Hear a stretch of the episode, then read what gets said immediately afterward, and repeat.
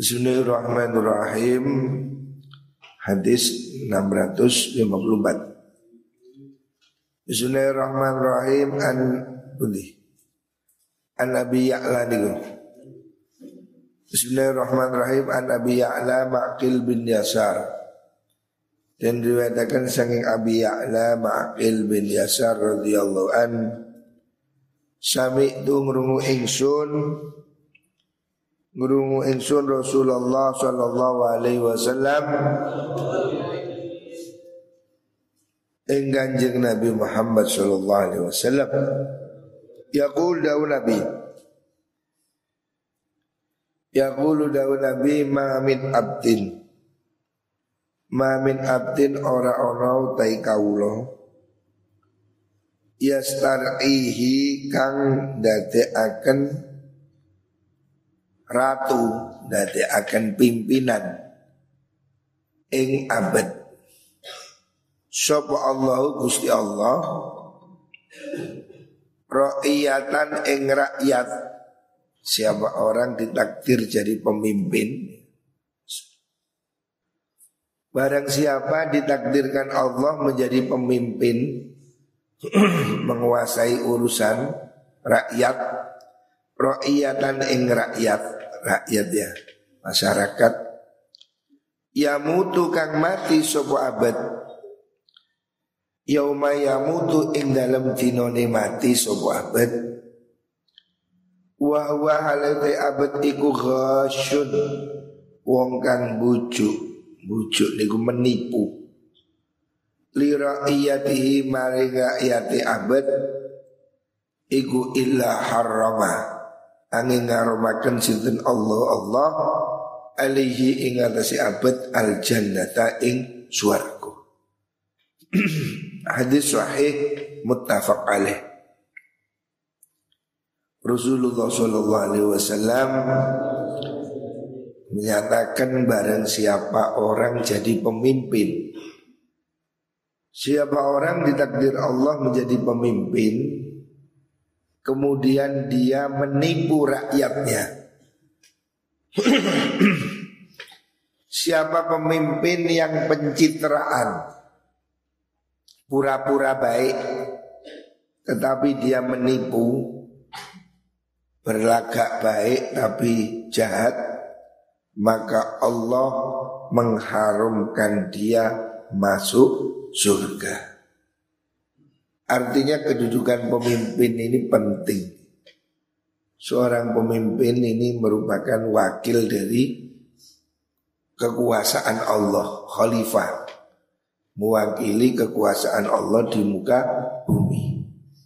Apabila pemimpin ini zalim, maka dia menyakiti, merugikan makhluk-makhluk Allah. Merugikan orang banyak kalau dia presiden, dia merugikan orang sebuah negara. Kalau dia bupati, dosa kabupaten dan seterusnya. Makanya kedudukan pemimpin ini penting. Siapa orang menjadi pemimpin dan dia tidak ngurusi rakyat. Siapa pemimpin yang curang, menipu, membodohi rakyatnya maka dia haram masuk surga. Jadi dijamin tidak penting dia masuk surga. Allah tidak mau. Makanya kedudukan pemimpin ini sangat penting. Kita harus hati-hati memilih pemimpin jangan dengan uang. Kita ini sulit mendapat pemimpin yang baik karena tradisi masih masih apa? Jual beli suara. Setiap pemilu masih masih orang masih melihat NPWP nomor piro wani piro. Sehingga sulit mendapat pemimpin yang baik. Karena rakyatnya juga masih tidak bebas rakyat juga masih memilih yang memberi. Tentu saja memberi ini tidak mungkin pakai duitnya nenek moyang. dia tidak akan rela ngeluarin duit bermiliar-miliar kalau tidak hasil korupsi. Jadi budaya uang inilah yang menyuburkan korupsi. Maka negara kita ini mestinya negara kaya, makmur, ya. Luar biasa. Tapi kenapa kok banyak utang? Ya karena dipimpin oleh para raden kantong bolong. Pemimpin-pemimpin yang boros. Sebab untuk menjadi pemimpin dia perlu mengeluarkan uang. Kalau dia menjadi pemimpin tentu dia berusaha mengembalikan uang. Modal berapa kembali berapa? Untungnya. Nah, untungnya barangnya kalau modal 100 ya dia minta kembali 500 Di situlah kemudian jual beli jabatan, di situlah kemudian apa eksplorasi alam, sehingga kita ini bisa jadi suatu saat akan miskin, tambang, batu bara dikeruk, emas, nikel, semuanya diobrak untuk membiayai kampanye. Makanya Rasulullah Shallallahu Alaihi Wasallam mengingatkan sejak dini ya. Awas, pemimpin jangan main-main. Siapa pemimpin bohong, menipu, dia tidak akan masuk surga. Wa fi riwayatin dalam riwayat Kang Liyo, falam yuhidha. Mongko nuli orang ngrekso sapa abad ha ing ra'iyah. Lam yajid mong binushi kelawan nasihat iman untuk abad lam yajid mongko ora bakal nemu sapa abad raihatal jannati ing ambune swarga. Siapa pemimpin menipu rakyatnya dia tidak dapat baunya surga. Baunya saja tidak dapat ya. jauh. Wa riwayatin dalam riwayat dia di muslimin kudu wa muslim Ma min amirin Orang-orang utawi ratu. Redaksinya beda. Tidak seorang pun raja Yali kang nguasai sopo amir Umurul muslimina ing urusane piro-piro wong Islam. Sumalaya jadunuli orang nemen-nemen nih Tidak berusaha keras jihad bersungguh-sungguh. Lahum maring mengkono muslimin wayan sahulan nasihati lahum maring muslimin illa lam yadkhul angin ora bakal mlebu sapa amir mahum sertane muslimin ora bakal mlebu al jannata ing suarku pemimpin yang menipu rakyat tidak akan masuk surga artinya ini warning dari Rasulullah Sallallahu Alaihi Wasallam. Jangan hanya berebut jabatan, ingat konsekuensinya. Pemimpin tidak untuk bersenang-senang. Pemimpin harus menjadi pelayan. Sayyidul Ummah khadimuhum. Pemimpin itu adalah pelayan, bukan macan bukan tukang mangan. Sekarang ini banyak pemimpin adalah macannya, artinya dia menerkam rakyatnya. Jangan sekali-kali pemimpin membodohi rakyat. Jangan pemimpin menipu. Kalau dia menipu, dia tidak akan masuk surga. Wan Aisyah dan riwayatkan saking Sayyidah Aisyah radhiyallahu anha Qalat dawu sapa Aisyah Sami tu ngurungu ingsun Rasulullah sallallahu alaihi wasallam yaqulu dawu Nabi fi baiti ing dalem omah ingsun hadza rupane iki lapet Sayyidah Aisyah mengatakan saya dengar Rasulullah sallallahu alaihi wasallam di rumah ini rumah tempat tinggal Nabi. Yakul Dawu fi baiti hadha rupani kibet Allahumma ing lafat Allahumma. Allahumma du Allah Man utai sapani wong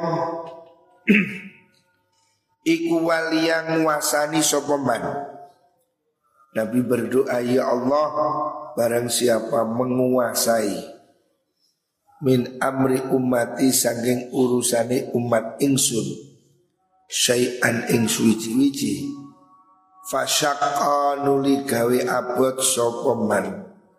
Gawe abot alihim ing atase ummah fashkuk mugi ngabotaken panjenengan alihi ing atase man Nabi berdoa ya Allah siapa pun pemimpin yang menguasai urusan umatku ini dia membuat berat pada rakyatnya maka perberat urusan dia. Jadi pemimpin yang seorang pemimpin yang berbuat jelek dia akan mendapat balasan sesuai kelakuannya. Jadi orang ini akan dibalas sesuai amalnya. Kalau dia menindas maka dia akan dibalas oleh Gusti Allah. Siapa orang menindas, dia akan ditindas. Nabi berdoa demikian. Ya Allah, siapa orang pemimpin yang menindas rakyat, maka tindaslah dia. Artinya dia akan dapat kesulitan dari Allah. Siapa orang menjadi pemimpin tidak adil,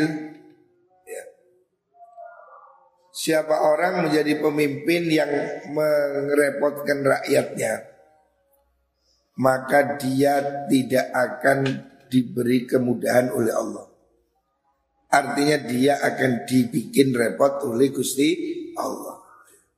Ini doa Rasulullah SAW Siapa orang membuat repot pada rakyat Maka repotkanlah dia. Siapa orang mempersulit rakyat Persulitlah dia. Jadi Nabi mendoakan agar mereka Diberikan kesulitan Agar mereka Mendapatkan kesulitan dalam urusannya. Siapa orang memimpin dengan cara yang tidak benar Oleh Nabi didoakan Semoga dia dalam kesulitan. Fashkuk alaih Perberat urusannya. Artinya pemimpin yang zalim Dia akan mendapat kesulitan langsung dari Gusti Allah Waman laisapani wong iku wali yang nguasani sopeman Min um amri umati sanging urusani umat ingsun sayan ing suji-wiji Farofaqonuli welas sopeman bihin kelam umat? Farfuk mugi melasi panjenengan Mugi melasi bihi kelawan man. Jadi kanjeng Nabi ini sangat memperhatikan urusan umat Kanjeng Nabi itu pemimpin yang peduli. Makanya beliau tidak rela kalau rakyat ini ditindas. Kanjeng Nabi tidak mau kalau umat Islam ini dirugikan oleh pemimpin. Makanya Rasulullah Shallallahu Alaihi Wasallam mengatakan siapa orang yang memimpin dan menindas, mempersulit, memperberat, maka semoga oleh Allah dibalas dengan yang sama. Artinya dia akan diberi kesulitan oleh Gusti Allah. Sebaliknya barang siapa menjadi pemimpin yang belas kasih, yang peduli, yang menolong kepada rakyat, semoga dia ditulungi oleh Gusti Allah. Jadi Nabi mendoakan pada dua kelompok pemimpin yang adil didoakan Nabi mendapat apa mendapat pertolongan Allah. Makanya di mana ada pemimpin adil, pemimpin jujur, pemimpin yang penuh perhatian, dia akan dimudahkan semua hal ekonominya, ininya politiknya dibuka jalan. Sebaliknya siapa orang pemimpin yang mempersulit rakyat Siapa pemimpin yang perberat menindas maka Nabi berdoa semoga dia dipersulit hidupnya oleh Gusti Allah. Artinya balasan sesuai pekerjaan. Kalau kamu jadi pemimpin bersikaplah adil. Kalau kamu menolong rakyatmu Allah akan menolong kamu. Tetapi pemimpin-pemimpin yang zalim, pemimpin-pemimpin yang penindas, penipu, jangan enak-enak. Allah akan membalas, mempersulit hidupmu. Ini doa Rasulullah Wasallam. Makanya ini harus diperhatikan. Kepemimpinan ini penting. Jangan meremehkan pentingnya seorang pemimpin. Hendaknya seseorang itu peduli siapa yang jadikan pemimpin. Enggak putih? Wa Nabi Hurairah. Rasid. Wa Nabi Hurairah lan dan liwatakan saking Abu Hurairah. Radhiyallahu an. Qala dawu sapa Abu Hurairah. Qala dawu sapa Rasulullah sallallahu alaihi wasallam Kanat ono sapa Banu Israel Banu Israel Iku tasumuhum bagusi. Hum ing Bani Israel sapa al anbiya para nabi. Semua orang Bani Israel Israel ini bahasa Ibrani Israel yang sekarang menjadi ini penguasa zolim itu Israel itu aslinya artinya apa? Abdullah. Israel itu orang-orang keturunan Nabi Yakub. Jadi Israel itu bahasa Ibrani. Aslinya maknanya Israel itu Abdullah. Hambanya Gusti Allah. Lah Bani Israel ini dulu dijaga oleh Nabi. Terus berganti-ganti. Kulama halaka kapan-kapan seto sopo mengkuno Nabi Kulama halakat kapan-kapan sedo sopo Nabi Khalafa mongko ganti hu ing Nabi Sopo Nabiyun Nabi kang liyo Nabi selalu berganti-ganti. Fa innahu sedek wa innahu lan sedek kelakuan ikulah nabiya Orang ono nabi iku maujud bakti ing dalam sause ingsun tetapi setelah Nabi Muhammad tidak ada lagi Nabi. Kalau ada orang ngaku Nabi setelah Nabi Muhammad itu pasti Nabi palsu. Wa sayakunulan bakal ono ba'di dalam sausi ingsun Sobahul lafa'u biro-biro khalifah Setelah ini akan ada khalifah pengganti Fayak suruna mongko dadi akeh sapa mengkono khulafa. Qalu ngucap sapa mengkono sahabat. Ya Rasulullah, fama ta'muruna. Fama mongko ing opo ta'muruna perintah panjenengan na ing kita. Bagaimana sikap kita kepada pemimpin bagaimana sikap kewajiban umat kepada khalifah para pemimpin setelah kanjeng Nabi. Qala dawu sapa Nabi aufu bi bai'atil awal fal awal. Aufu natepono sira kabeh bi bai'atil awali kelawan patrapane patrapan itu konsekuensi baiat. Baiat niku janji engkang awal fal awal nulik kang awal artinya kita mesti komitmen pada pemimpin yang sudah dipilih Rasulullah Wasallam menyuruh kita taat pada pimpinan. Jadi kalau pemimpin itu sudah dipilih, umpamanya pilpres antara Jokowi dan siapa? Prabowo siapa pun yang menang walaupun kita bukan pendukung maka kita harus taat pada pemimpin Tidak boleh orang itu fanatik, ini bukan pilihan saya, tidak boleh. Kalau seseorang itu telah disahkan menjadi pemimpin, maka kita wajib taat pada pemimpin. Sumatuhum nuli awe ing mengkuno khulafa. Haqqahum ing haki khulafa.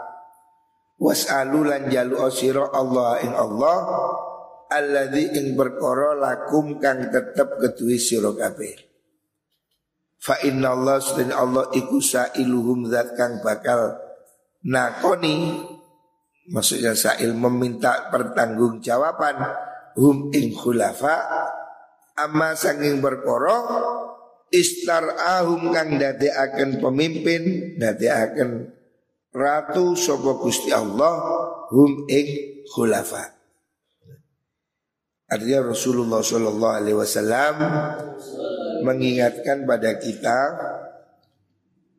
bahwa seorang rakyat itu harus takut, harus manut pada pemimpin. Kalau zaman dulu sebelum Nabi Muhammad SAW kaum Bani Israel dipimpin oleh para nabi. Nabi meninggal ganti nabi, ganti nabi yang lain. Tetapi setelah Nabi Muhammad SAW tidak ada lagi nabi Allah mengatakan maka na Muhammadun aba ahadim mirrijalikum walakin Rasulullah wa khataman nabiyyin. Nabi itu sudah pemimpin yang terakhir. Khatam. Khatam itu pemungkas. Kanjeng Nabi sudah pemungkas para nabi. Setelah Nabi tidak ada Nabi. Kanjeng Nabi Muhammad terakhir setelah itu nabi-nabi palsu semua, tidak ada. Yang ada itu khalifah, khulafa. Khalifah itu pengganti. Pengganti ini ya orang yang mengambil posisi sebagai pemimpin. Khalifah itu tidak harus raja, ya presiden, ya siapa pun pemimpin. Ya. Khalifah. Jadi kita tidak harus mengganti sistem khilafah seperti apa HTI. Ya hari ini sudah kepemimpinan sudah perlu keimbangan. Ada eksekutif, yudikatif, legislatif. Kalau zaman dulu khalifah satu orang. Artinya tidak ada lembaga lain dia menjadi penguasa tunggal. Tetapi penguasa tunggal ini tidak selalu bagus. Kalau dia jelek, jelek semuanya. Makanya Nabi tidak menentukan harus sistemnya. Bisa jadi sistem khalifah seperti Abu Bakar, Umar. Bisa jadi raja-raja. Bisa jadi presiden. Ya. Siapa pun. Kita wajib taat pada pemimpin. Hendaknya seorang pemimpin itu adil. Pemimpin itu baik. Dan rakyat wajib taat pada pemimpin. Jadi agama ini akan terjaga kalau ada pemimpin. Ada undang-undang apa penistaan agama. Kalau tidak ada pemimpin, orang bisa saling hina, saling serang. Makanya perlu ada pemimpin untuk ngatur. Ini masalah agama, masalah ini, masalah itu. Jadi undang-undang itu dibuat untuk kebaikan. Makanya diperlukan seorang pemimpin. Agama ini kalau tidak punya pemimpin, tidak ada yang melindungi. Makanya umat Islam di Indonesia harus peduli presidennya siapa, bupati siapa, gubernur siapa. Jangan asal orang. Kita harus peduli sebab agama ini juga harus dijaga oleh negara. Jadi agama dan kekuasaan ini saudara kembar. Kata Imam Ghazali, ad-din wal mulk aman. Agama dan kekuasaan ini saudara kembar. Artinya sama-sama penting. Kalau tidak ada agama, ya, maka tidak ada pondasi, hancur. Tetapi kalau tidak ada negara, tidak ada yang melindungi, maka agama menjadi ya banyak kekacauan, banyak kezoliman. Jadi kita harus peduli ya. Urusan agama ini penting, urusan kekuasaan juga penting. Umat Islam harus peduli siapa presiden Indonesia. Kalau kita tidak peduli, kita akan dipimpin orang yang tidak peduli pada umat Islam. Jadi umat Islam harus peduli politik. Kalau mereka tidak peduli politik, mereka akan dipimpin oleh orang-orang yang tidak peduli pada umat Islam. Makanya santri yo kudu ono rek lurah. Santri harus ada yang jadi bupati, gubernur, presiden. Santri bisa buktinya Gus Dur, saiki Kiai Ma'ruf, amin. Menteri, akeh santri. Gubernur ada. Santri bisa jadi apa saja. Ya. Dan ini santri harus ada di mana-mana. Ya. Sing penting dia tetap harus mengamalkan ilmu. Jangan menjadi pemimpin yang golim. Kalau kamu ditakdir jadi pemimpin, jadilah pemimpin yang adil, yang memudahkan, yang melindungi, Jangan jadi pemimpin yang mencurangi rakyat. Jangan jadi pemimpin yang menipu rakyat. Siapa pemimpin menipu rakyat, dia diharamkan masuk surga. Ini penting ya. Jadi Rasulullah Shallallahu Alaihi Wasallam juga perhatian terhadap urusan negara. Bab kalau negara ini tidak tertib, hancur maka tidak bisa berbuat banyak. Kita hari ini bisa sholat dengan tenang, ngaji tenang, karena situasi negara aman. Coba kalau di sini penuh perang, ada bom, dua, dua sembahyang takut, sekolah takut, ada bom nyasar, seperti di Irak, di Suriah, sekolahan kacau, kerja kacau, pasar kacau, orang menjadi tidak tenang. Sebab negaranya tidak aman. Makanya menjaga ketertiban negara ini bagian dari perjuangan. Kita tidak boleh memberontak pada pemerintah yang sah. Al-Sunnah wal Jamaah tidak mengenal pemberontakan. Kita wajib taat pada pemimpin selama kita tidak disuruh maksiat. Selama tidak disuruh maksiat, wajib kita taat pada pemerintah. Ya. Dan tidak boleh melawan pemerintah yang sah. Walaupun pemerintah itu brengsek. Kata ayah saya dulu, Sultanun zulum khairun min fitnatin tadum. Pemimpin yang brengsek itu lebih baik daripada perang. Perang orang situasinya lebih jelek. Kalau perang nggak bisa sekolah, nggak bisa kerja, nggak bisa ibadah. Kita sholat dalam dentuman bom, uh sangat tidak tenang. Hari ini sholat mengantuk-ngantuk, dan ngaji miring-miring. Karena aman. Coba ono bom, kuat, kuat, kuat gak iso kan turu. Oh, ketakutan. Makanya negeri aman ini harus disyukuri. Alhamdulillah. Muka-muka Indonesia terus aman. Muka-muka dipimpin oleh orang-orang yang beriman. Amin Allahumma amin.